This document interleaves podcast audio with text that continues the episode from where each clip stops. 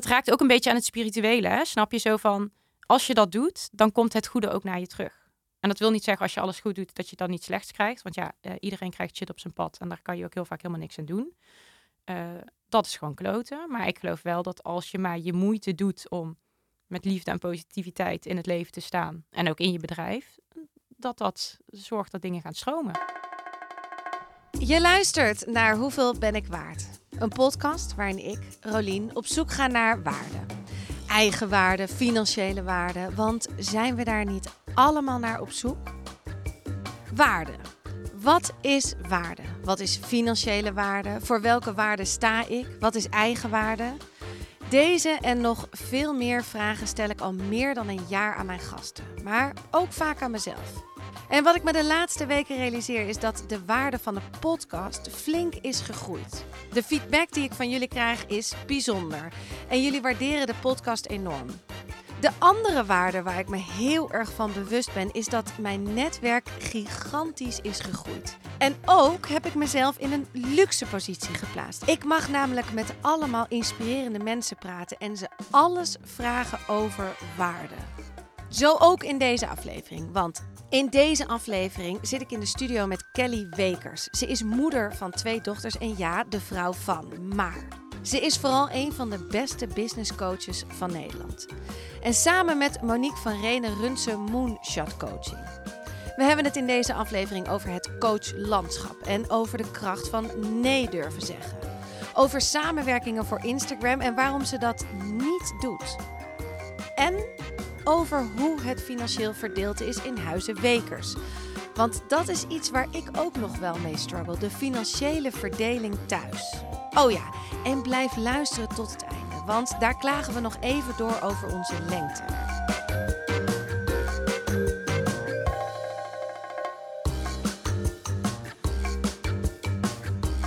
Ik stel altijd één vraag waar ik mee begin. Ga ik bij jou dus ook doen. Mhm. Wanneer wist je voor het eerst wat je waard bent? Ja, dat is wel grappig, want daar heb ik dus over nagedacht. En ik denk dat dat bij mij dus eerst kwam, hè, voordat dat ooit kwam in mijn zakelijke leven, gewoon heel persoonlijk, mijn eigen waarde. Ehm, en toevallig heb ik dat laatst ook opgeschreven voor mijn derde boek. Uh, dat ik een moment had dat, uh, nou ja, voordat ik uh, deed wat ik nu doe, business coaching, was ik model. En ja, ik ben daar ooit ingerold. Ik was gewoon uh, eh, 14 en dan word je vaker gescout. En op een gegeven moment denk je, nou, dat is beter dan een krantenwijk. Dus laat ik dat gaan doen. Maar op enig moment heb ik een jaar na het afronden van mijn bachelor besloten, ik ga eens fulltime het proberen. Ik heb het nu altijd on the side gedaan. Ik wil nooit het idee hebben van, stel je voor, het had echt iets kunnen worden. Nou, toen ben ik dus naar het buitenland gegaan. Allerlei plekken gezeten in de wereld. En Ehm, waar ik dacht dat dat heel tof ging zijn, vond ik het dus echt heel zwaar en heel vreselijk. En het was elke dag als een soort van sollicitatiegesprek naar castings. En zei we iemand, je bent te dik, je bent niet mooi genoeg, je bent niet symmetrisch, een ander is leuker. Het gewoon is echt wel heel, zeker toen, zoveel jaar geleden, was het echt heel hard, weet je ja. wel. En ik weet nog echt zo'n moment dat ik al uh, ja, bijna het jaar rond had of zo, dat ik een jaar uh, aan het reizen was en buitenland woonde en zo. En toen stond ik in Milaan voor een casting. En het was toen echt voor een heel groot modehuis. En uh, ik had al een eeuw in die castingrij gestaan, want er komen gewoon honderden meiden op af. Eindelijk aan de beurt, dus ik krijg van zo'n stylist zo'n broek aangereikt. En ik kijk daar al naar en ik denk echt, ja, dat ga ik gewoon nooit aankrijgen. Maar ja, je gaat toch hoopvol zo'n pashokje in zo van, nou ja, oh, het is niet dat ik zoveel eet, dus misschien lukt het toch. Dus ja, ik krijg dat ding gewoon echt niet omhoog. En gewoon echt met moeite en pijn. Dat je denkt, ja, het zit dan echt alsof je heel zwaar bent. Terwijl ik natuurlijk zo was. Hè? Ik was ja. hartstikke slank.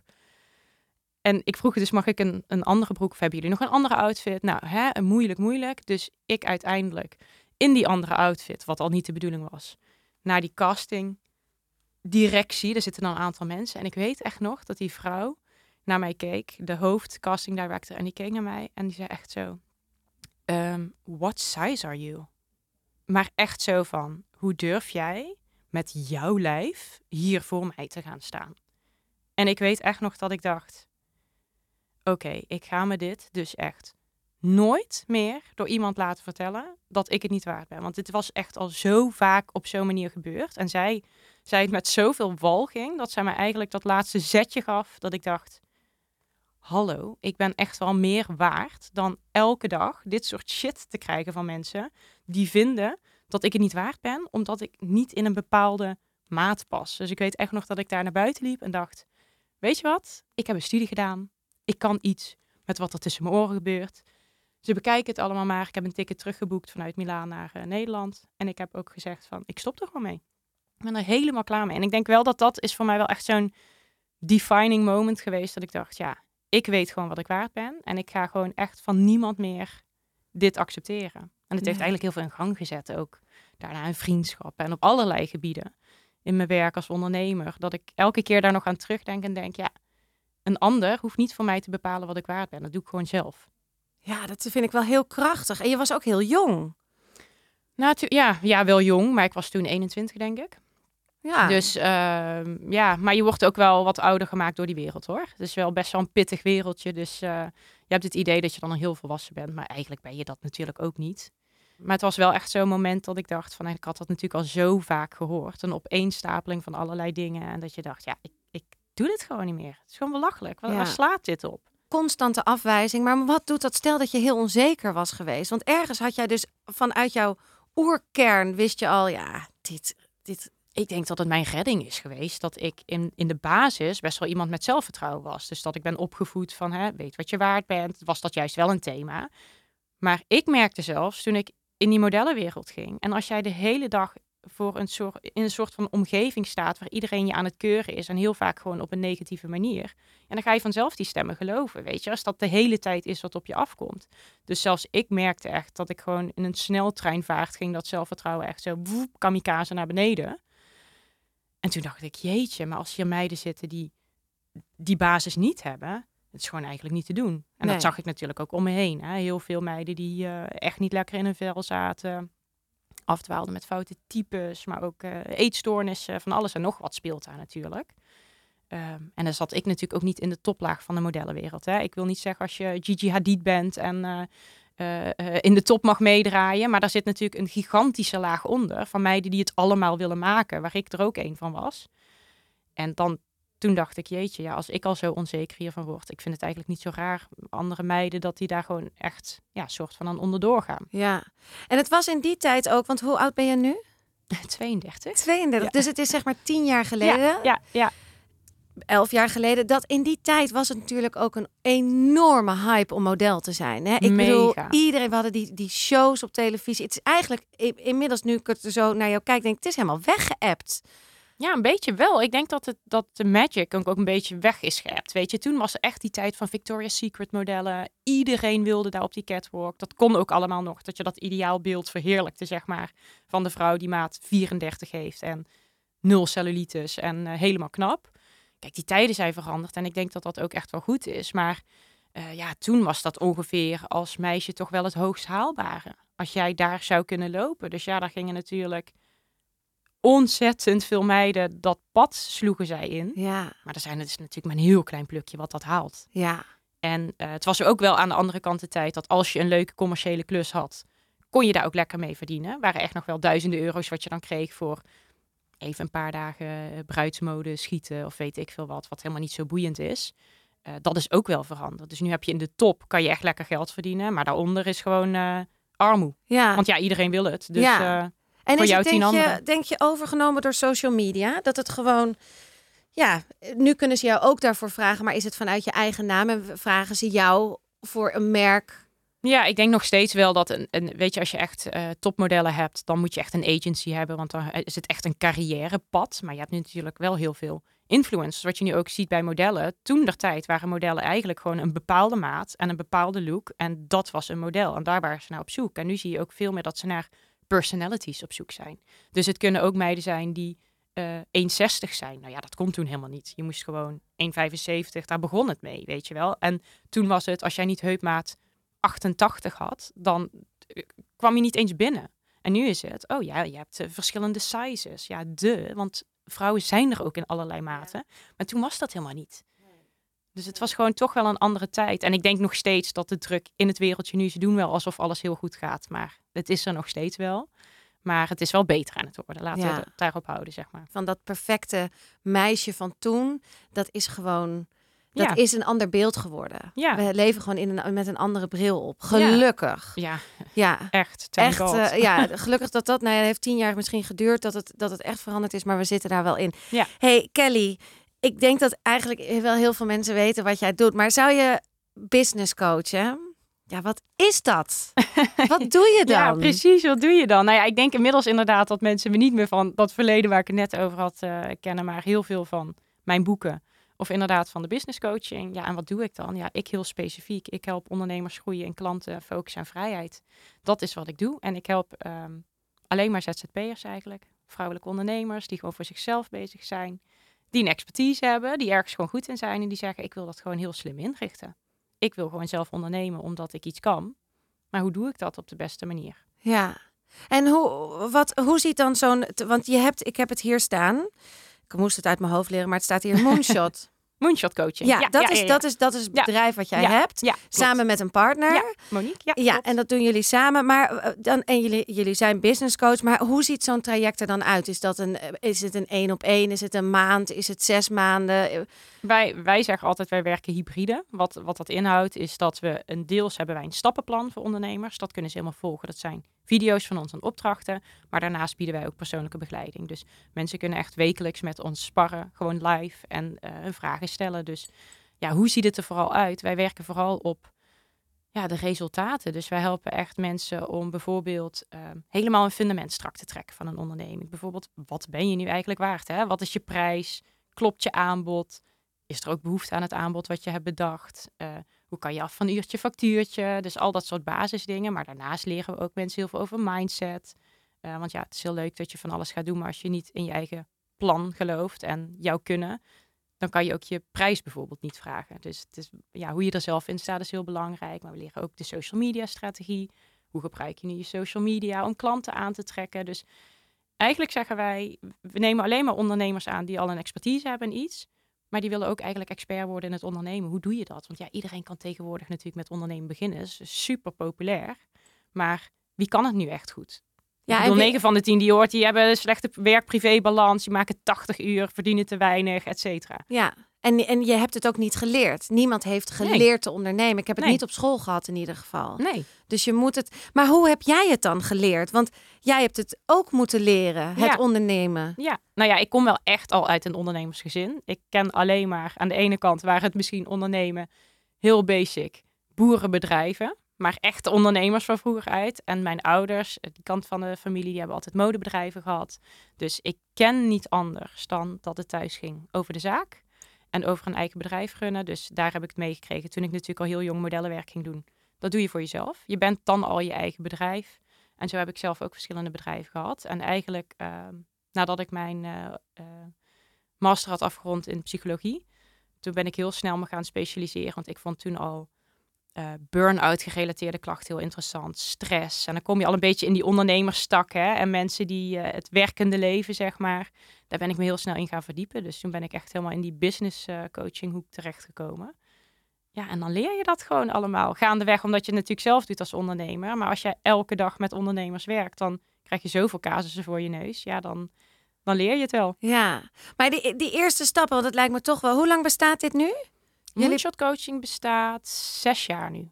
Oké. Dus en dat je- ik het samen doe met ja, dat jullie het met z'n tweeën doen. Ja. Jullie willen niet nog meer mensen gaan aannemen. absoluut niet. Nee, Nee. jullie zijn gewoon een magic Wij team. zijn eh, heel erg van het lean en mean ondernemen, zoals we dat noemen. Wij hebben alle twee eh, voor, in het verleden ook met personeel gewerkt. Vreselijk vonden we dat. We zijn echt totaal geen mensen die geschikt zijn voor personeel. Dus heel af en toe hebben we even een freelancer voor een specifieke taak nodig. Maar wij willen juist eh, ja, geen personeel, kosten lekker laag houden, lekker flexibel blijven en het gewoon zelf doen.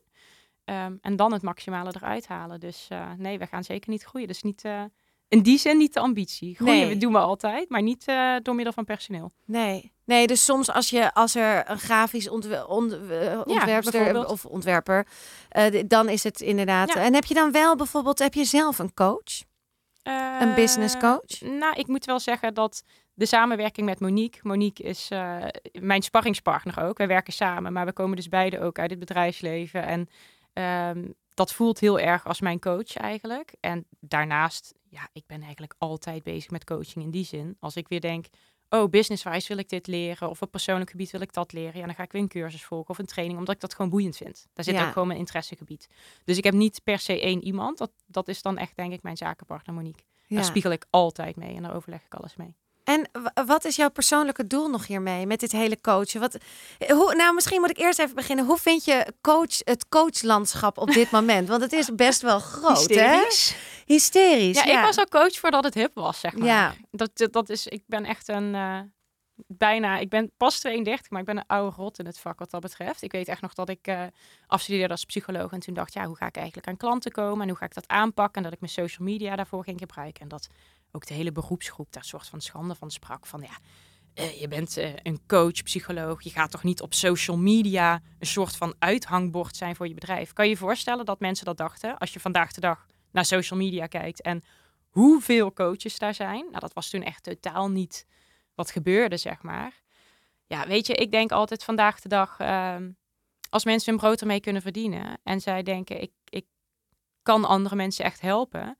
En andere mensen vinden dat en we hebben daar geld voor over. Dan denk ik, ja, top. Ik, ik ben alleen af en toe kritisch op dat ik denk, ja, coaching is wel een vak apart. En het moet niet zijn dat je denkt, ik ga even lekker snel geld verdienen aan mensen. En ze niet leveren hè, wat je ze hebt beloofd. Dat zie je natuurlijk ook wel vaak. Ja.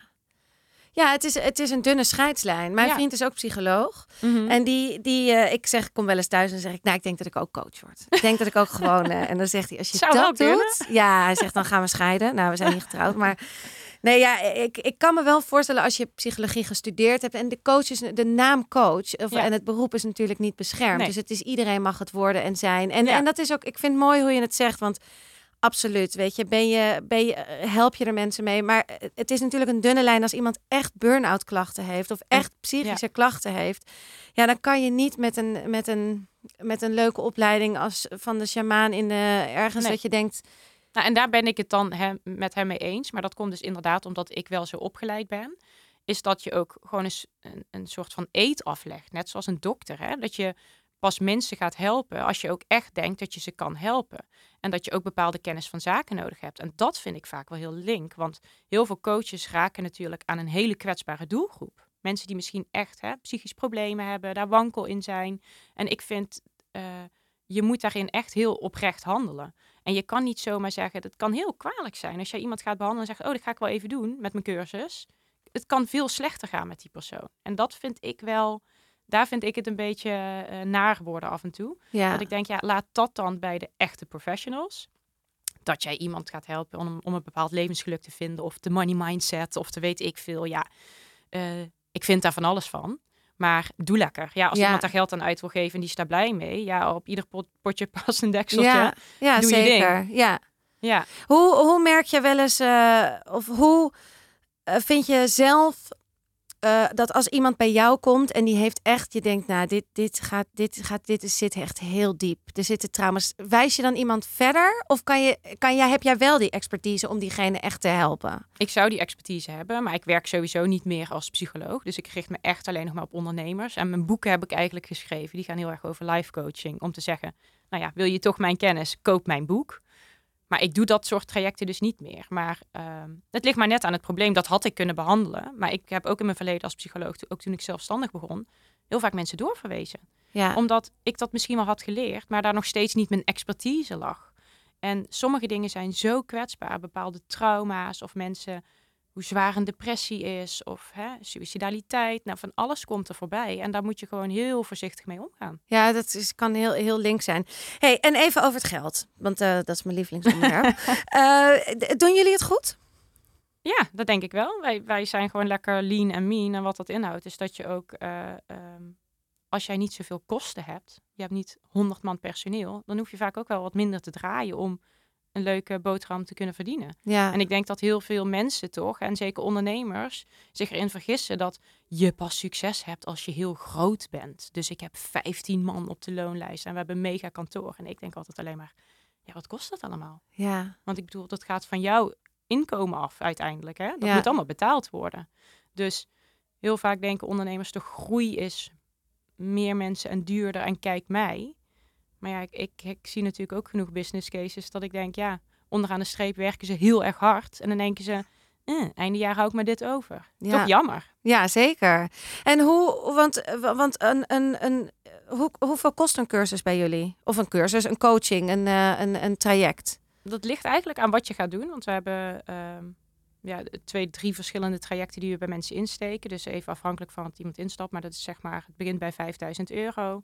Maar het kan ook 25.000 euro zijn. Maar dat Ja. is maar net, als iemand start bij ons, dan gaat hij niet in een traject van 25.000 euro. Nee. Dat zijn echt andere ondernemers die daarin stappen, omdat die ook een veelvoud verdienen, zeg maar. Ja. Dus eh, nou, het begint bij 5000 euro. En, en eh, ben je wel eens bang dat er geen klanten meer komen? Dat je denkt, oh god, we gaan nu weer van start met een, een, gro- een groep, maar het- we zitten nog maar op een 10 en we willen er eigenlijk 30. Of Nee. heb je dat? Nee, het is Nee. altijd stroomt het vol. Nou ja, ik, ik, dat is wat ik ondernemers ook leer. Van hoe trek je klanten aan? En ik denk, als jij mensen echt helpt met een probleem wat ze echt hebben... en dat probleem is er in de markt, dan zijn er ook altijd klanten. Ja. Dus ik denk, waarom komen er bij sommige mensen geen klanten? Omdat ze waarschijnlijk een oplossing bieden voor een probleem... waar niemand op zit te wachten. Waarvan je vooral zelf denkt, oh, dit hebben mensen echt nodig. Maar waarvan de mensen zelf denken, ja, nou eigenlijk niet. Dus dan wordt het ook heel moeilijk om klanten aan te trekken. Maar als jij heel goed gaat kijken naar, hé, hey, wat speelt er nu in de markt? Oh, een bepaalde doelgroep, wat is daar het probleem? Als je echt een probleem te pakken hebt en je zegt, ik maak een aanbod en ik zeg, ik help jou van A naar B. En dan zullen er ook altijd klanten zijn, want dat is gewoon echt een probleem. En wa- waar wij mee helpen, juist die continuïteit krijgen in klanten en niet dat gevoel hebben van shit, haal ik einde maand wel mijn omzet? Dat is waar we mensen mee helpen. Ja, dat is gewoon zo'n groot ondernemersprobleem. ja, Dat is er altijd. ja. Daar zijn gewoon te veel ondernemers voor in Nederland om dat ooit uit te putten. Dus nee, dat hebben wij niet.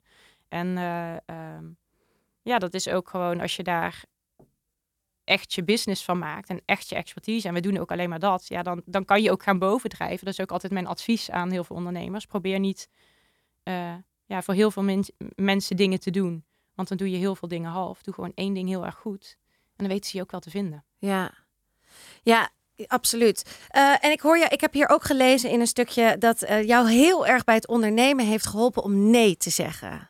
Ja. Dat is heel lastig. Voor veel mensen, voor mij Ja. ook. Ik, vind- ik zeg het liefst overal ja op, maar ik ben altijd een beetje aan het verdrinken. Ja, En, ik, en dan doe ik alles half en ik doe eigenlijk dus helemaal niks. Dat is, Dat is je zo- gevoel dan. Ja. ja, ja, snap ik. Maar ik denk dat ook zoveel mensen dit herkennen. En natuurlijk helemaal in het ondernemerschap. En ik bedoel, ik herken dat zelf ook. Want het klinkt altijd heel makkelijk. Hè? Je moet gewoon meer nee zeggen. Maar ja, we hebben niet voor niets dat wij klanten krijgen voor onze business coaching. Omdat dat dus rete moeilijk is. Want waar zeg je dan nee tegen? En weet je zeker dat ik daar niet ja tegen moet zeggen? Want ja, heel veel dingen komen toch een beetje vermomd als een kans op je af. En dan denk je, ja, maar als ik hier nee tegen zeg dit is misschien net de next big thing, weet je wel. Hiermee ga ik het maken of dit gaat me heel veel opleveren. Dus dat is ook best wel moeilijk om te zien. En ik denk toen ik begon als ondernemer, dacht ik precies hetzelfde. Ik dacht, ja, ik ga alleen maar groot worden als ik heel hard werk, tegen alles ja zeg en elke kans die ik op mijn pad krijg van iemand die me iets aanreikt, dan moet ik gewoon ja zeggen. Want ja, hoe meer kansen je pakt, hoe harder dat het gaat. Maar de grap is, is dat je dus inderdaad ziet, dan ga je dus heel hard werken. Je bent eigenlijk altijd wel druk weinig productief. Want ja. Ja. wat doe je nu echt? Maar je gaat ook alle kanten uit. Want ja, als je op elke kans maar inspringt, ja, waar gaat dat dan naartoe? Dat gaat niet naar jouw doel toe. Maar die persoon heeft daar waarschijnlijk weer baat bij dat jij iets voor diegene doet. En zo hè, word je een beetje een stuurloos schip. Dus toen ik ging denken van oké, ik moet echt even bedenken wat is nou mijn focus? Hè? Waar wil ik nu naartoe? Waar wil ik over vijf jaar staan? Toen ik dat heel goed ben gaan kaderen, toen wist ik ook oké, dan ga ik op al die andere dingen nee zeggen. Wat soms ook fucking spannend is. Want Ja. soms gaat het bijvoorbeeld om heel veel geld of om iets wat echt al een eer is of eh, iemand die dichtbij staat of zo bekend dat je denkt, oh, vind ik echt lullig om daar nee tegen te zeggen. Maar je moet het wel doen. Je moet op een gegeven moment wel je eigen koers gaan varen. En dat heeft bij mij toen echt heel veel veranderd. Dat ik echt dacht van, waarom heb ik altijd zoveel ja gezegd op zoveel dingen, terwijl het zo makkelijk kan zijn. Als ik gewoon minder dingen doe met meer focus en meer aandacht, dan ga ik gewoon veel harder. Ja, absoluut. Maar waar, hoe herken je dan eigenlijk als je, hoe herken je dan die nee? Waar, waar voel je dat dan? Hoe, hoe weet je dat het een nee is? ik denk dat dat eigenlijk bij de basis begint. En dat we daar als ondernemer vaak te, vaak over na, eh, te weinig over nadenken. Van waar sta je nu eigenlijk voor? Weet je wel? Wat, wat wil je nou eigenlijk? Waarmee help je mensen? Of wat is nu hè, eh, tot aan wat is je verdienmodel? Wat wil je nu eigenlijk verkopen? En als je dat heel helder hebt, wat denk ik toch te veel ondernemers niet helemaal weten, wat is nu mijn meerwaarde? Wat bied ik nu precies aan klanten? Ja, dan wordt het ook heel moeilijk om te zien als een klant je dan iets vraagt, of een potentiële klant, om dan te zien dat het een nee is. Maar als je dat wel helder hebt, dan zie je, ja, die persoon die wil ik niet helpen of die kan ik gewoon niet goed genoeg helpen. Dus ik denk dat het bij de basis begint. En um, ja, een foefje wat ik daar altijd voor gebruik is dat ik altijd zeg, aan het begin van het jaar uh, bepaal ik altijd mijn drie voorwaarden voor het ondernemen. Dus wat zijn de voorwaarden waar een nieuwe klus of een nieuwe samenwerking aan moet voldoen om het toe te zeggen. En dat kan dan bijvoorbeeld, hè, wat altijd een relevante is, wat wil ik einde jaar verdienen? Uh, hoeveel uur per week wil ik werken? Want ja, als er een klus op je afkomt die ineens uh, in plaats van je wil 30 uur werken, maar dat wordt er ineens 40 uur. Ja, dan voldoet het dus niet aan je voorwaarden. Dus dan weet je wel dat je nee kan zeggen. Dus ik bepaal eigenlijk altijd uh, ja, drie randvoorwaarden aan het begin van het jaar. En dat leren we de ondernemers ook die wij coachen. En dan weet je altijd van oké, alles wat opnieuw binnenkomt, dat eik ik aan hè, wat vind ik nou belangrijk? Wanneer haal ik plezier uit het ondernemen? Ja. En dat geeft al heel veel rust, want dan kan je al heel veel dingen eigenlijk wegstrepen. Zeg je vaak nee? Ja, heel vaak. Ja? Ja. Wat voor verzoeken komen er dan binnen? Waar je echt zegt, nou meteen. Want het, ik, ik, wat ik ook een beetje met nee vind, het is ook echt een intuïtie-ding. Absoluut. Het, het, is, je moet, en, en daar, ik denk dat we daar heel slecht in zijn geworden. Ja. Oh, omdat we vaak in schaarste en in angst leven. Ja. Dus dat vertrouwen moeten we weer hebben. Dus we moeten echt af en toe misschien handen op ons buik en denken: Ja. oké, is dit, zeg ik nu ja omdat ik uit die angst? Absoluut. Of, maar wanneer heb jij dat dan voor het laatst gehad? Dat je echt een voorbeeld van, ja, ik had laatst weer, ik had een verzoek. Ik, gisteren had ik het met Miluska over een pot Ja. pindakaas. ja. Die 10.000 euro bood, om, maar dat eigenlijk niet bij je past. Nou ja, dat Omdat- is bijvoorbeeld, ik krijg dat echt aan de lopende band bijna elke dag. Samenwerkingen voor mijn Instagram of voor mijn LinkedIn, wat aanzienlijke kanalen zijn, maar zeker niet de grootste van Nederland. Maar ze zijn wel authentiek, want ik deel echt alleen maar wat ik ook echt tof of leuk of Je bent in eigen vind. beheer. Je doet het ja, zelf. ik doe het allemaal Ja. zelf en het is echt wie ik ben en ik gebruik het als uithangbord voor mijn bedrijven. Zo verkoop ik mijn boeken, zo verkoop ik mijn business coaching. Maar er zijn natuurlijk heel veel merken die dat zien en die denken ja, ze is misschien niet de grootste, maar daar wordt heel veel verkocht op haar Instagram kanaal. Nou, dus die willen met de mij samenwerken. grootste, 144.000. me- Dat is toch heel groot? Ja, maar ja, ja, ik vind dat dus eh, niet zo groot vergelijk, vergeleken met de grote influencers. Maar ik denk Ja, maar wel. toch zoveel mensen bereiken. Dat is echt wel. Ja, en ik denk dat, dat bij mij de kwaliteit is heel goed van die achterban. Die volgen Ja. mij echt om wie ik ben en wat ik doe. En dat vinden ze interessant. En ze volgen me al jaren, dus ze weten ook dat ik daar geen bullshit op vertel. Nee. Of de hele tijd inderdaad ineens met een pot pindakaas aankom, wat ik nooit zou eten. Nee. En dan zou je zeggen, nou, dit is echt heel lekker. Dat Ja. doe ik gewoon niet. Ik doe dat überhaupt niet. Maar er zijn natuurlijk heel veel merken die dat zien. En die ja, wekelijks komen die in mijn inbox van... wat ook echt om grote bedragen gaat. Eh, bijvoorbeeld vorige week twee keer. eh, twee samenwerkingen van 20.000 euro. Nog eentje van 7.000 En euro. dan doe je het niet? Nee. Nee, want ik vind dat heel raar als ik dan ineens dat ga promoten. En ik geloof heel erg in het, oké, dan komen we een beetje bij het spirituele. Ik geloof in wat ik kan, maar ik geloof ook dat het universum mij dat geld echt wel terug gaat geven. Als ik gewoon blijf doen wat ik goed doe en mensen echt goed mee help. En ehm, voor mij voelt het dan niet goed om iets te gaan promoten wat verder van mij afstaat. Kijk, stel er komt echt iets ooit en die zeggen, ja, jij drinkt of eet of draagt dit al altijd. Maar wij willen je ervoor betalen, zodat je het ook gaat uitdragen dat je dat doet. Nou, dan wil ik dat nog wel overwegen. Want dan is het echt iets wat Ja. ik ben, zeg maar. Maar om nu maar gewoon iemand te gaan promoten. En ik vind dat dan ook altijd een beetje toch ingewikkeld. Wanneer ik ehm, bijvoorbeeld coaches zie, zeker business coaches, die dan heel veel samenwerkingen doen met allerlei merkjes. Maar vervolgens ook zeggen, ja, ik heb echt een booming business. Maar hoe dan? Want Ja. waarom doe je dan allemaal samenwerkingen van, weet ik veel, eh, voor kleine merken en toestanden? Ik vind dat ruis geven. Ja. Dus eigenlijk doe jij geen samenwerkingen? Nee. Nee. Nee, je hebt Ik gewoon... zeg, zeg nooit nooit, hè? Als, als er bepaalde merken komen en die inderdaad, die passen al in mijn straatje, daar ben ik al klant. Nou ja, die mogen best komen met een aanbod. Maar ten eerste ja, moet dat dan al een heel aanzienlijk aanbod zijn voordat ik het interessant vind. En dan moet het ook nog eens heel authentiek op mijn manier wil ik alles doen. Nou ja, en dan snap ik dat ze soms denken, joh, weet je wat, pak wel een andere influencer. Want dan zijn we veel goedkoper af. En die gaat Ja. dan ook nog dat helemaal over de hele feed smeren. Ja, dat ga ik sowieso niet doen. Nee, maar is dat ook, kan je misschien ook zo denken omdat je business gewoon heel goed gaat? Inderdaad, want die coach die, die, Ja. die, die schreeuwt dat het heel goed gaat, maar ondertussen allemaal kleine dingen Wat aanneemt, dan, dan is het inderdaad, dat geeft heel veel ruis. Maar het gaat dus, het, je hebt ook het vertrouwen in je, gewoon in je eigen kunnen. Ja, maar ik denk wel dat mijn business dus zo goed gaat. En dat dat voor elke ondernemer op welk gebied dan ook geldt. Omdat je je daar dus ook op focust. Ja, Dus als je al die andere dingen gaat doen, dan kan je, heb je dus ook niet je focus bij je core business. Om die het, aan het draaien te krijgen. Dus dat leidt allemaal af. Dus ehm, ik, natuurlijk wordt het nog makkelijker om die beslissingen te maken wanneer de business al loopt. Dus eh, eh, ja, is dat door de jaren heen alleen maar makkelijker geworden. Maar juist dat begin waar we het net over hadden, dat nee zeggen. In het begin deed ik dat ook toen ik echt nog helemaal geen zicht had op, komt het dan ergens anders terug? ja. Maar ik had dan zoiets, mijn keuze was toen, dan blijf ik liever nog steeds bij mijn expertise. Dan blijf ik liever nog drie dagen in loondienst, wat echt op mijn expertise is. Dan weet ik dat ik mijn vaste lasten kan betalen, maar ik ga niet allerlei andere dingen doen die niet passen bij hè, waar ik mijn expertise in wil hebben, Ja. om dan eh, die angst uit de weg te gaan. Maar dan ben je dus heel goed in, in intuïtie. Dan ben je dus heel goed in naar je onderbuik luisteren. ja, dat begon, doe ik zeker. Ja, dat begon misschien al op je 21ste toen je in Milaan voor die vrouw stond. Ja. Dat je dacht, ja, dit, dit gevoel ga- gaat nooit meer iemand mij geven. Nee. En dat heb je altijd vastgehouden. Maar er zijn heel veel mensen dat kwijt. Wat is dan een tip?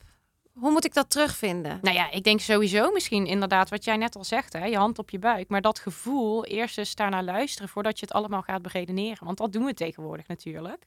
En ik ben ook best wel iemand, ben best wel zo mentaal. Dan ga ik al snel denken, oh, hoe zit dit of hoe zit dat? Terwijl als ik kijk, alle beslissingen die ik, of dat nu privé is geweest of zakelijk, heb ik eigenlijk van tevoren al aangevoeld of dat juist was of niet. En daarna ga je het ook nog beredeneren en denk je, oké, ik doe dus niet of wel. Maar eigenlijk voel je het al. Je voelt al als je met iemand bent of je daar een lekker gevoel bij hebt. Of je denkt, dit wordt een mooie samenwerking. Of dat je denkt van, hè, dit werkt voor mij of niet. Of in een situatie dat je denkt, ik voel al dat hier iets niet klopt. Ja, dan moet je eigenlijk meer naar gaan leren luisteren. Want ja, vaak willen we met ons hoofd van alles beredeneren, zodat het in ons straatje past. Maar onze intuïtie vertelt het al. Ja. Ja, dat denk ik ook. Ik denk dat we, maar dat we vaak in de angst gaan zitten. Dat we 1000%. vaak, ja, dat, we, dat het gewoon eh, soms heel spannend is. Maar ik denk dat je dat dan dus ook op je aftrekt. Weet ja, dat is zeker. ook, hè, Daar trek je meer aan daarvan. Ja. als je angstig bent, dan trek je ook al die situaties op je af. Daar geloof ik heel erg in, dat de wereld je spiegelt. En dan zegt, oh, je bent angstig? Oh, je bent bang dat je te weinig geld gaat verdienen? Oh, dan zullen we dat eens even op je pad gooien. Even testen of je daar nog bang voor bent. Dus ik denk, als je juist dan gaat doen wat echt goed voor je is, dat je dat ook terug gaat krijgen. Hoe is je relatie met geld? Goed? Ja?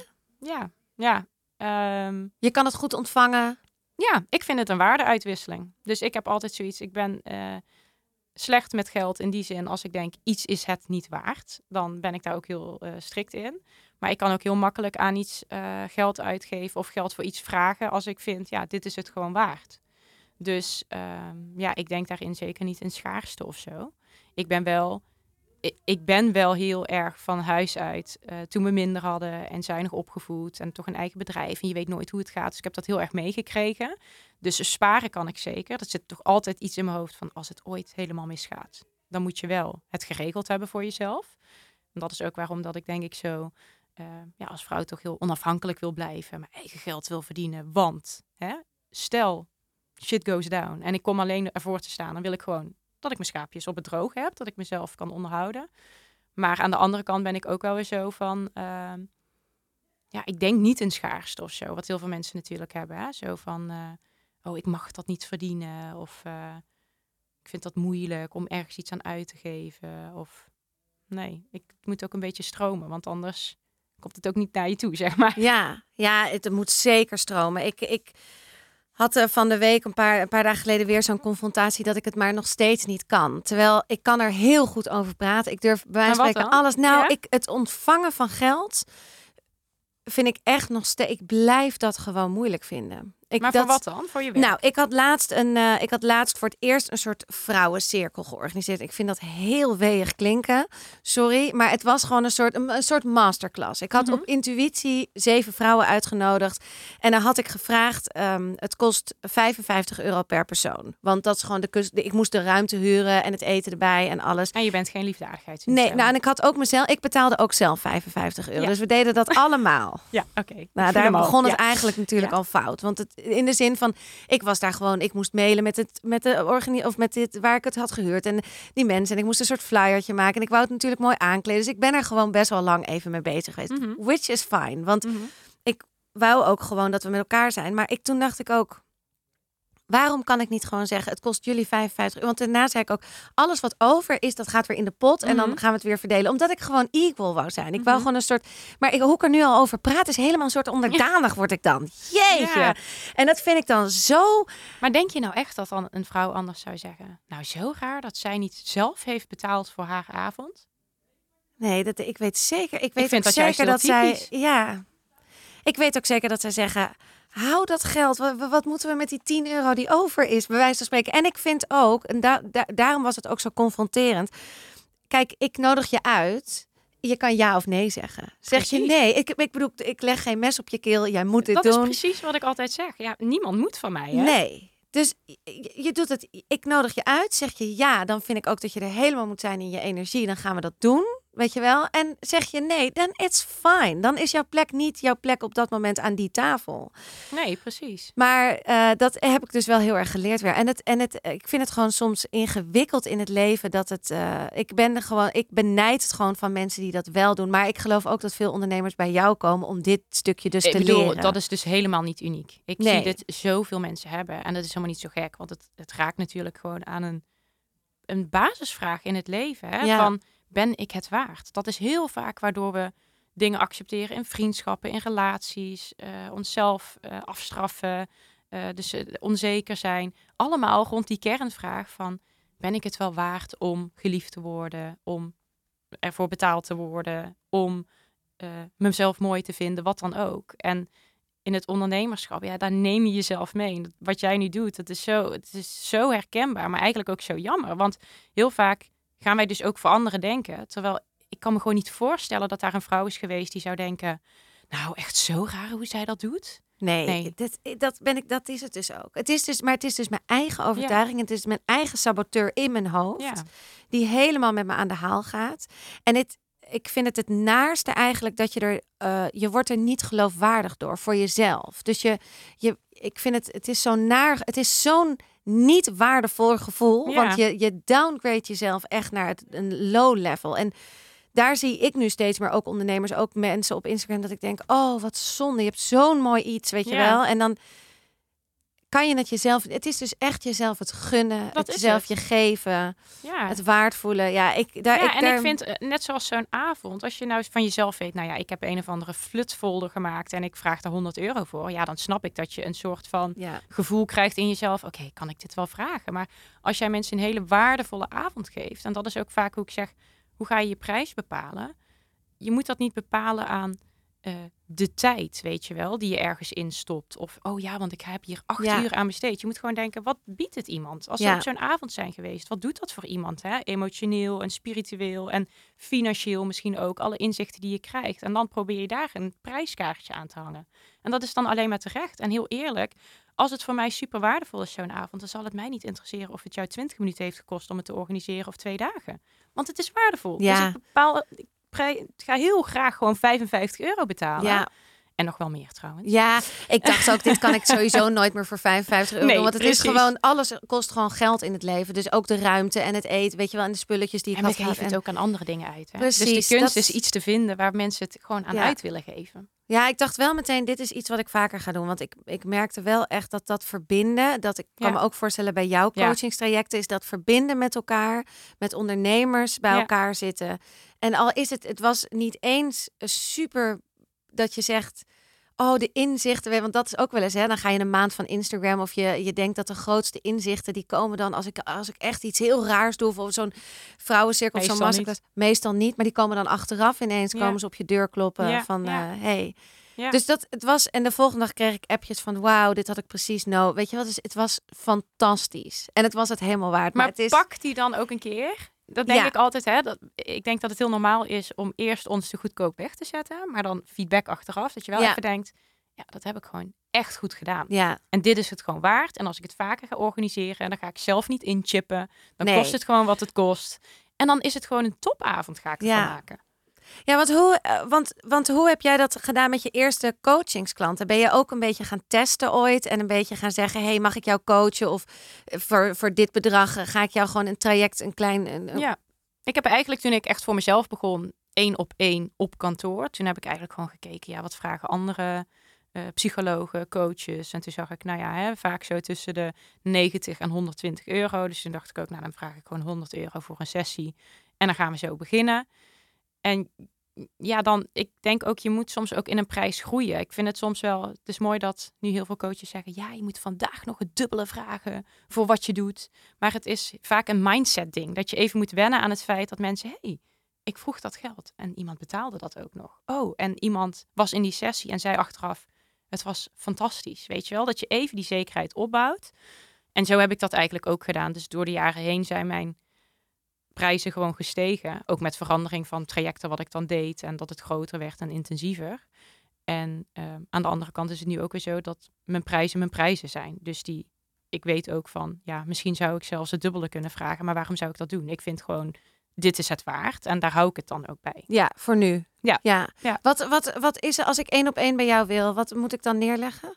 Maar één Geen op één, 55 euro, hè? Nee. Nee, precies. Nee, eh, eh, één op één doe ik eigenlijk nog maar heel weinig. En eh, vaak is dat dan 2-1. Dat is samen met Monique. En dan moet je toch wel aan zo'n 4000 euro denken. Voor een, is een, Voor een sessie. Voor een sessie. En hoe Ja. lang is een sessie? 2,5 uur. Ja, dus dan, en dan zit je Ja. in een mooie ruimte en dan ga Ja. je helemaal met elkaar inzoomen op... Ja. Maar goed, dat is ook iets waar mensen kunnen niet zomaar die sessie bij ons afnemen. Want wij leren juist ondernemers al heel veel in onze basisprogramma's. Dus het is helemaal niet nodig om een hele dure sessie meteen af te nemen bij ons op kantoor. Want dan moet ik allerlei dingen met jou gaan bespreken die ik al voor jou in een heel document heb gezet. Dus ja.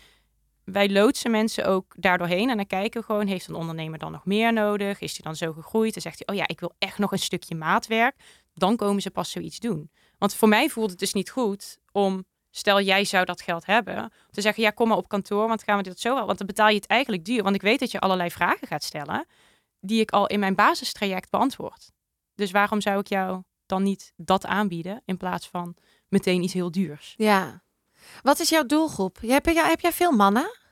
Nee, ik Heb ben je, dus nee, echt Nou, ik ben dus echt begonnen en ik weet nog dat ik eh, eh, dus met die hele business coaching dat we zeiden, oké, we gaan hè, dat hybride model, dus een stukje stappenplan online en daarnaast nog persoonlijk coachen. Dus we zeiden, we gaan echt niet van die coaches worden die alleen vrouwen gaan helpen. Dat vind ik zo stom, zei ik.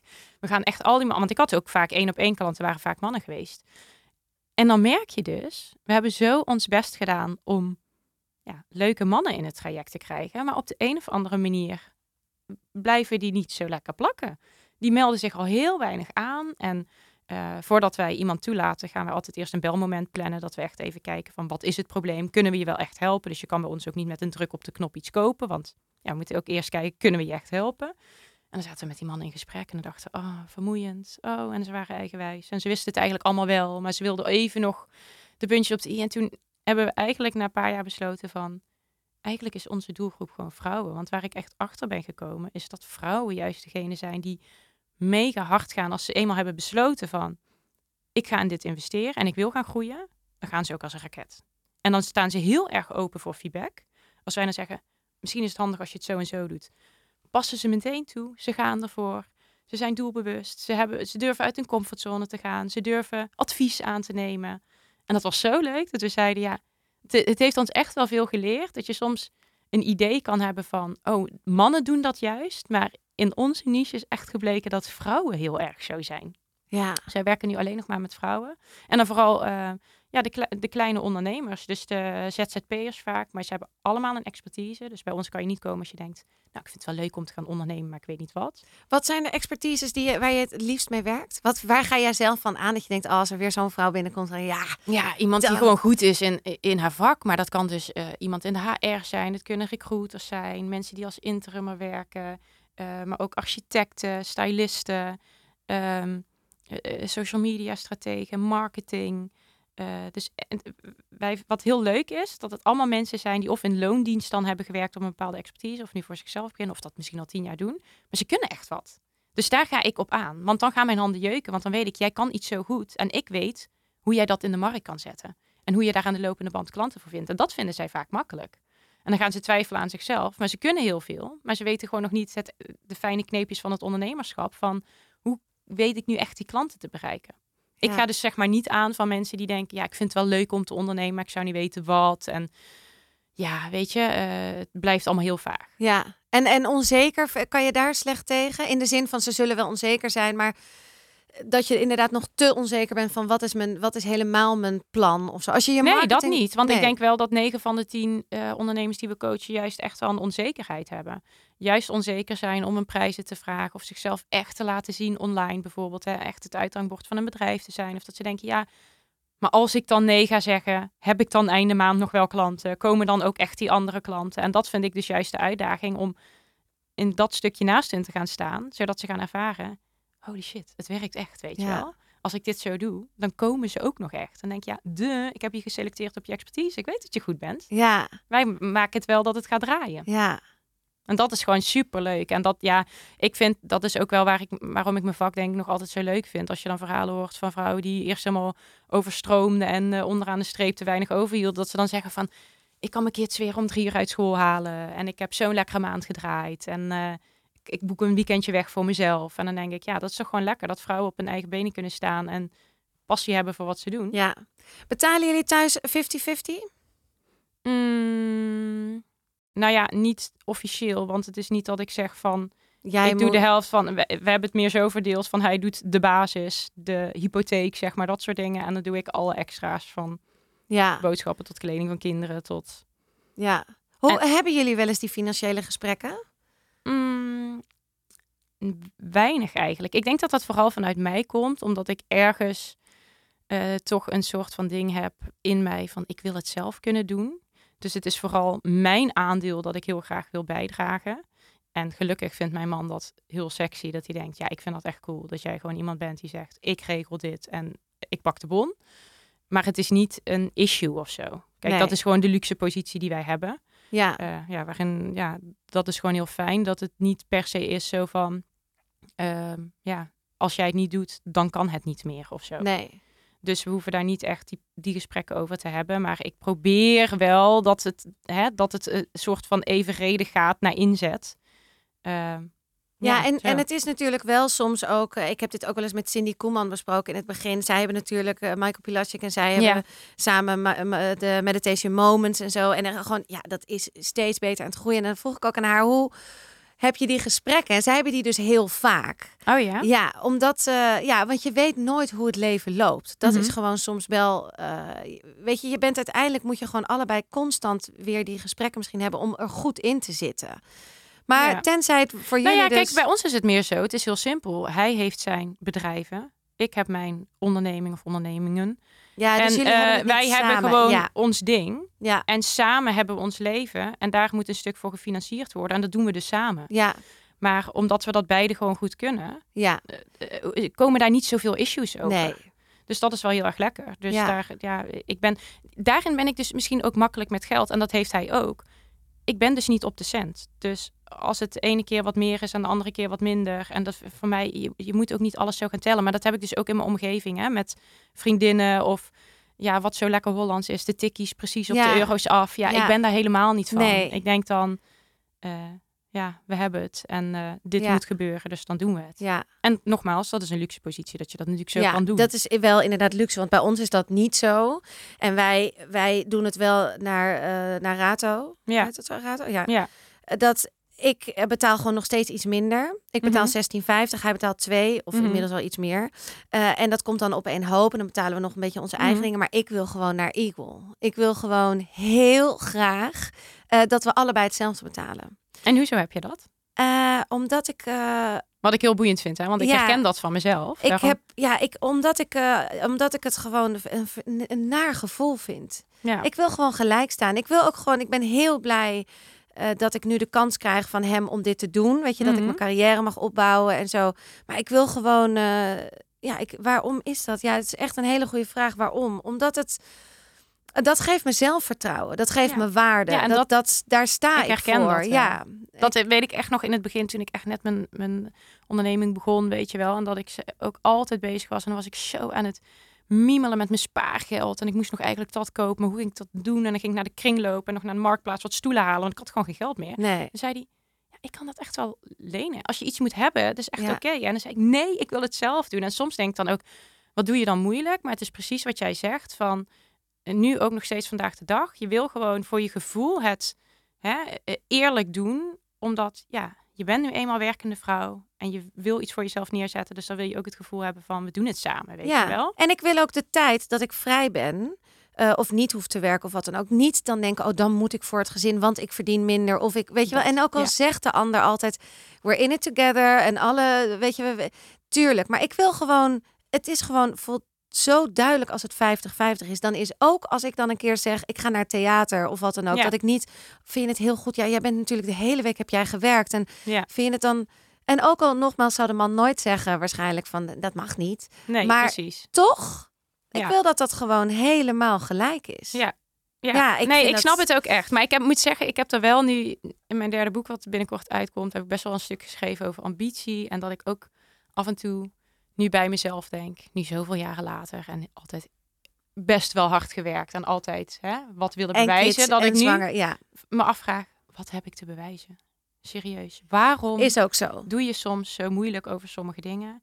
Wat boeit het, weet je? Wat wil je nou bewijzen? Dat is ook zo. Dat Ja. is ook zo. Maar ik denk dat ik het eerst wil ervaren Ja. en dan zou ik dat misschien ook kunnen zeggen. Ja, en nu, eh, ik inderdaad, ik ervaar dat dan nu zo. En dan denk ja, ik vind dat ook heel lekker en het geeft me heel veel rust. Maar het is soms ook dat ik nu wel eens denk, eh, ook met alle stappen die je wil zetten hè, in je carrière. Of eh, dat ik wel eens denk, doe ik dit nu voor mezelf? Of doe ik omdat ik denk dat andere mensen dan vinden, oh, wat knap dat ze dat doet. Of dus dat, dat je, ja, misschien, eh, ik heb nu mijn basis staan, hè, mijn gezin. En dat je wat beter na gaat denken in plaats van meteen weer in die sneltrein te gaan en Ja. door te pakken, zeg maar. ja, maar daarom wil je dus misschien is je doel ook niet super te groeien met je bedrijf. Nee, want ik vind mijn vrijheid ook heel belangrijk. Ja. Kijk, voor succes is voor iedereen anders. En misschien is dat voor eh, de ene persoon eh, een gigantische geldboom. Eh, maar ik denk altijd, ja, ik zie zoveel ondernemers die hebben inderdaad ontzettend veel geld, maar gewoon geen tijd om het op te maken. Want Nee. ze hebben letterlijk nooit tijd. Ja. Dan denk ik, ja, wat heb je eraan? Succes is voor mij ook flexibiliteit en vrijheid en de laptop dicht kunnen klappen op een mooie dag en kunnen zeggen, ga met de kinderen naar het speeltuin. Dat vind ik succes. Ja. Dat je je zaakjes zo op orde hebt. Ja. Dus eh van mij hoeft het niet altijd groter en meer, weet je wel. Eh Nee. Daar moet je ook heel veel voor laten en dat moet je willen. Dat moet je ambitie zijn. Ja. Ja, en ik wil ook wel even erbij zeggen, en ik denk dat je dat ook wel eh, kan beamen, van eh, als, als een vrouw of een man comfortabel is in de situatie dat de een meer betaalt en de ander niks, Oh ja, dan is nee, dat ook helemaal natuurlijk denk dus fijn. juist hè? dat- Het is mijn persoonlijke wens. Het ja, maar dat niet, is dus eh, juist leuk dat dat voor iedereen zo anders is. En ik denk dat dat dus ook de enige graadmeter is. Dat je het uiteindelijk dus moet doen hoe je het zelf lekker vindt. Ja. En hoe je het beide lekker vindt. En eh, eh, weet je, daar is verder ook voor niemand om daar een oordeel over te hebben. Nee. En dat merk ik ook in mezelf. Dus dat vind ik zo grappig. Wat heb ik te bewijzen? Want het zijn puur mijn eigen dingen die ik daarmee heb. Mijn eigen gedachten. Want voor een ander zal het me niet boeien wat hij ervan vindt. Maar het is mijn eigen gevoel van... Ja. Ik wil dit pakken. Ik betaal wel. Dat je denkt, why, weet je, wat... wat Ja. En, en als je dan dat, dat daar bewust van bent dat je dat dus doet, dat je daar dus een stukje bewijsdrang hebt of wat Mhm. dan ook. Hoe, hoe ga je dan dat met jezelf aan? Ga je dan journalen? Ga je mediteren? ga je wandelen met de hond? Nou ja, ik denk wel heel vaak dus eh, eh, door mezelf de juiste vragen te stellen. In plaats van te, maar meteen mee te gaan van inderdaad, ga dit doen of ga dat doen. De juiste vragen te stellen als in, Waarom doe wa- ik dit? waarom ja. doe ik wat ik doe? Ja. Waarom ga ik dit doen? Waarom, maar dat kan dus zijn, waarom zou ik deze samenwerking aangaan? Of waarom deze stap in mijn carrière? Of waarom spreek ik met iemand af waar ik geen energie van krijg? Waarom doe ik wat ik doe? Weet je wel? En als je dat maar vaak genoeg vaak aan je vraagt van, of waarom vergelijk ik met, me met iemand? Of dan krijg je vaak ook betere antwoorden. ja. En dan denk je ineens, ja, eigenlijk slaat het helemaal nergens op. Ben je spiritueel? Ja, ik ben wel een nuchtere spiritueel, ja. dus heel vaak dat het niet samengaat. Dat ze zeggen, ja, maar je bent zo nuchter. Ben jij spiritueel? Nee, ik spreek ook al eens een medium. Ja, ik vind dat wel heel boeiend. Ik geloof wel heel erg in eh, meer dan wat wij hier nu zien voor ons. En eh, ja, dat er wel een bepaalde energie is die we misschien niet altijd eh, precies kunnen benoemen en kunnen zeggen wat dat is. Maar ehm, ik denk wel dat, dat het leven mij spiritueler heeft gemaakt in die zin als je mensen verliest en de dingen die je daardoor meemaakt, dat je denkt, oh, ik dacht dat ik nooit spiritueel zou zijn of ergens in zou geloven. En dan ga je toch geloven, want je ziet gewoon dingen gebeuren dat je denkt, oké, dit is wel echt raar. En, en neem je dat ook wel eens mee in je coaching met je klanten? Spiritualiteit, ja. Ja, ik ben heel erg ook dat ik mijn klanten natuurlijk eh, leer ik de nuchtere Jip en Janneke eh, regels, want dat is gewoon belangrijk. Ik denk ook iedereen die bij onze coaching komt, die weten wij zijn gewoon recht door zee.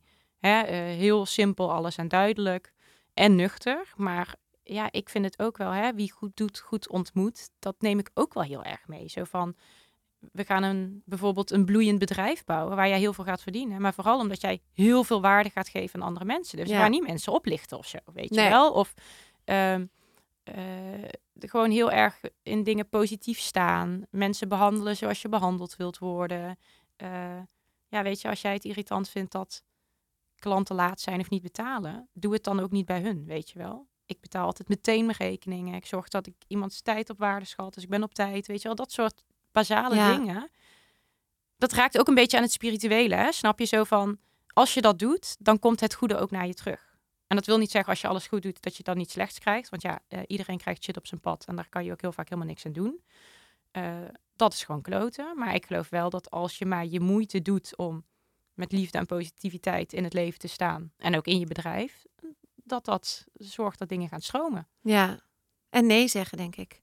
Ja, Daar krijg je ook echt, dat is ook echt, een magische? Ja. En het grappige is, klanten waarderen dat ook heel erg. Ja. Want dan hebben ze heel erg het gevoel, oh, ze weet echt waar ze het over Ja. heeft. Juist omdat je niet op alles zegt, oh nee, dat kan, nee, dat is mogelijk. Ja hoor. Ja. Dat ze denken, oh ja, het is gewoon heel helder. Ja, ja, absoluut. Ruis weghalen. Ja. Wat is je financiële doel? Heb ik eigenlijk niet. Nee, Ga ik je eh, niet kan zitten- prima in mijn onderhoud voorzien. Dus eh, nee, totaal niet. Nee, ik, be- ik bepaal wel aan het begin van het jaar wat is mijn financiële doel. Bijvoorbeeld, hè, we willen dat eh, als eindomzet draaien. Maar dat is dan eh, het doel. Maar niet dat ik denk, ik wil nu 5 miljoen op mijn bankrekening hebben staan. En dan ben ik af. Mij, bij mij zit het plezier toch wel echt in het proces. Ja, En tuurlijk, hè, als je financiële onrust hebt, dan, dan is het heel belangrijk dat je zegt, nou, ik moet minimaal dit gaan verdienen. Maar als je eenmaal dat voor elkaar hebt, ja, ik ben er ook wel achter dat meer niet altijd leuker en beter is. zeg hoe ben je daarachter gekomen? Nou, misschien door in het verleden wel hè, eh, die doelen na te streven. En heel erg in mijn hoofd toch te planten van... oh, stel, hè, ik ben dan eh, de vrouw die ik ben en met mijn expertise... en je hebt dan ineens een miljoenenbedrijf. Hoe gaaf is dat? Maar als ik dan ook zag hoe ontzettend hard je dan moet werken... en hoeveel je dan misschien van jezelf vraagt... en dat ik einde jaar dan echt niet... Mijn leven is mijn leven. Ik ga dan niet ineens hele andere dingen doen... omdat je dus in je basisbehoeftes kan voorzien.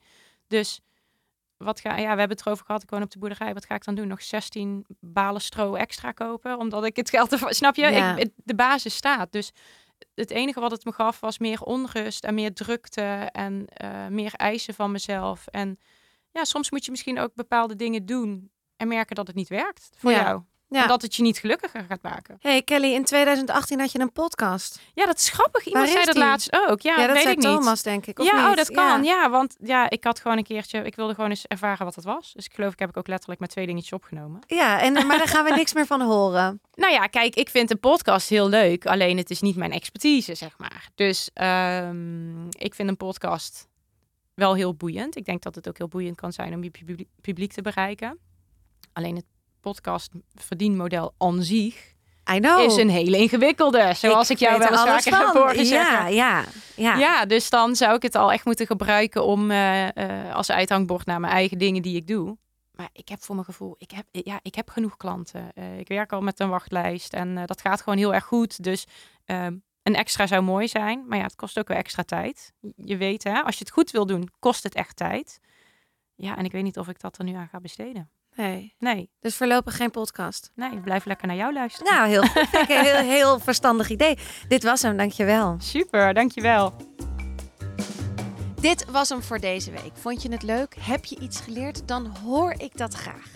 Via vriendvandeshow.nl slash hbiw kan je een audioberichtje achterlaten. En dat zou ik nou heel erg leuk vinden.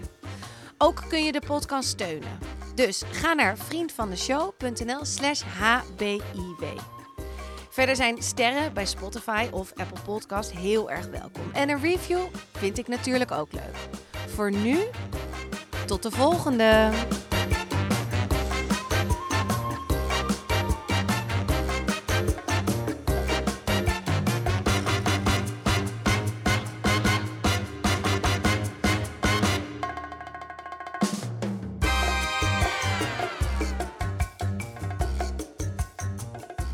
Niet. Ik heb dus zo'n voor 5 euro een diepte-investering gedaan bij de Action. Voor zo'n Dat kussen heb ik gezien. En nu, als ik daarop ga zitten, dan moet je dus recht gaan zitten. Ja. Want die vrouw van mijn pilates zei, ja, jij zit echt... Je bent straks echt quasimodo als je gewoon zo blijft Ja. zitten. Dus Ja. toen heb ik dat ding gekocht. En het helpt wel, want ik schuif dus ook nooit aan. En dan zit ik de hele dag achter mijn laptop. Ja, Gewoon helemaal zo. ja echt en dan denk ik, verkeerd. hoezo heb ik last van mijn rug? Ja, Ja, heel gek. zonde hè? Want hoe lang ben jij? 1,80.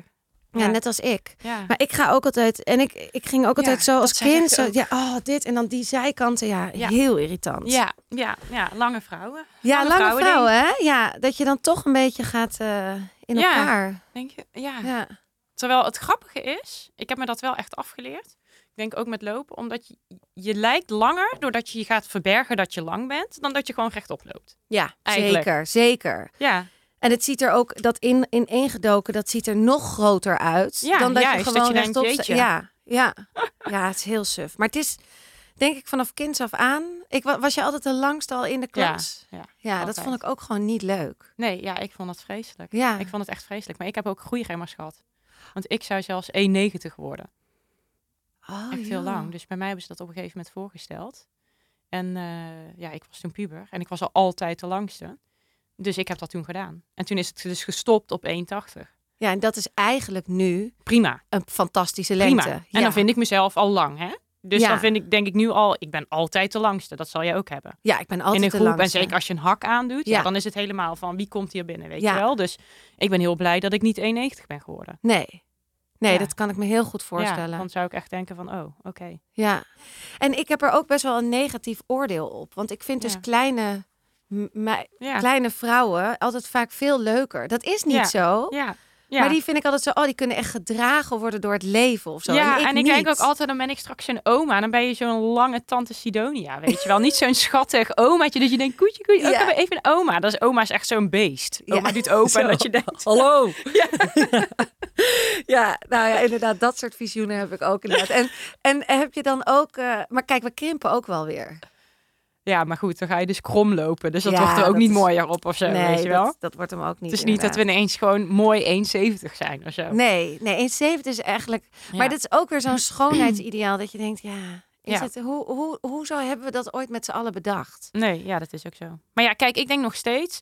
Ik weet dat we dat allemaal een beetje afleren... en we moeten ineens alles omarmen... en anders ben je niet gelukkig met jezelf. Maar ik vind dat ook een beetje bullshit. Want je kan toch gewoon iets mooier vinden of minder mooi. Ja, Ik mag het toch gewoon mooier vinden als ik geen cellulitis zou hebben... dan dat ik het nu wel heb. ja. Heb jij cellulitis? Ja, Waar? Op je benen? ja op mijn billen. Gewoon hier.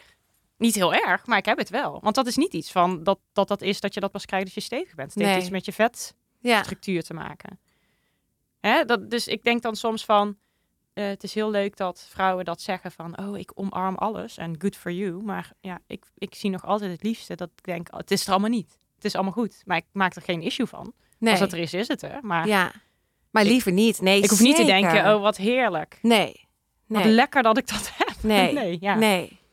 Nee, ja, dat, is nu ook. wel een beetje, weet je wel. Want je mag vooral niet zeggen dat je eh, jezelf lang vindt, bijvoorbeeld. Ja. Of denk ik, ja, maar als ik dat gewoon vind en ik vind het gewoon mooi, als iemand anders 1,70 is, dat kan toch?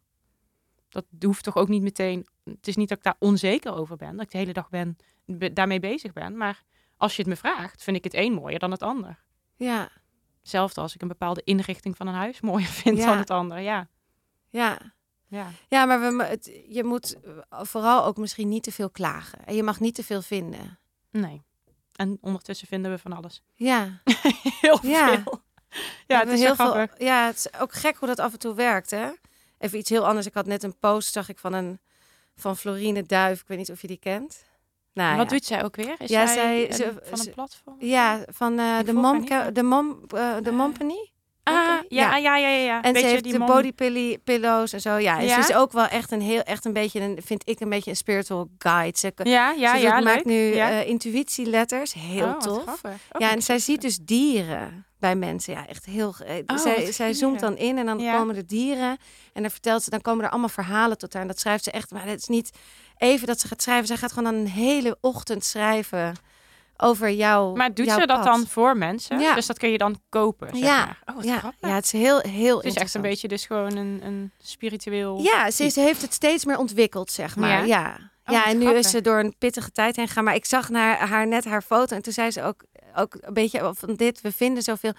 Maar ook ze zei, wat vraagt iemand zich wel eens af, wat doen, wat zijn we nou allemaal aan het doen? Weet Ja. je wel, zo van, Ja, je leeft hier maar en we maken ons soms zoveel druk ik heb dat over dus echt heel dan- vaak dat ik denk, hoe, hoe ouder ik word, hoe minder dingen mij boeien. Ik kan me echt over zoveel dingen gewoon niet druk maken. Waar mensen dan helemaal op hun achterste poot en denk ik echt, het boeit me echt helemaal niks. Nee, want wat zijn we nou aan niet het doen?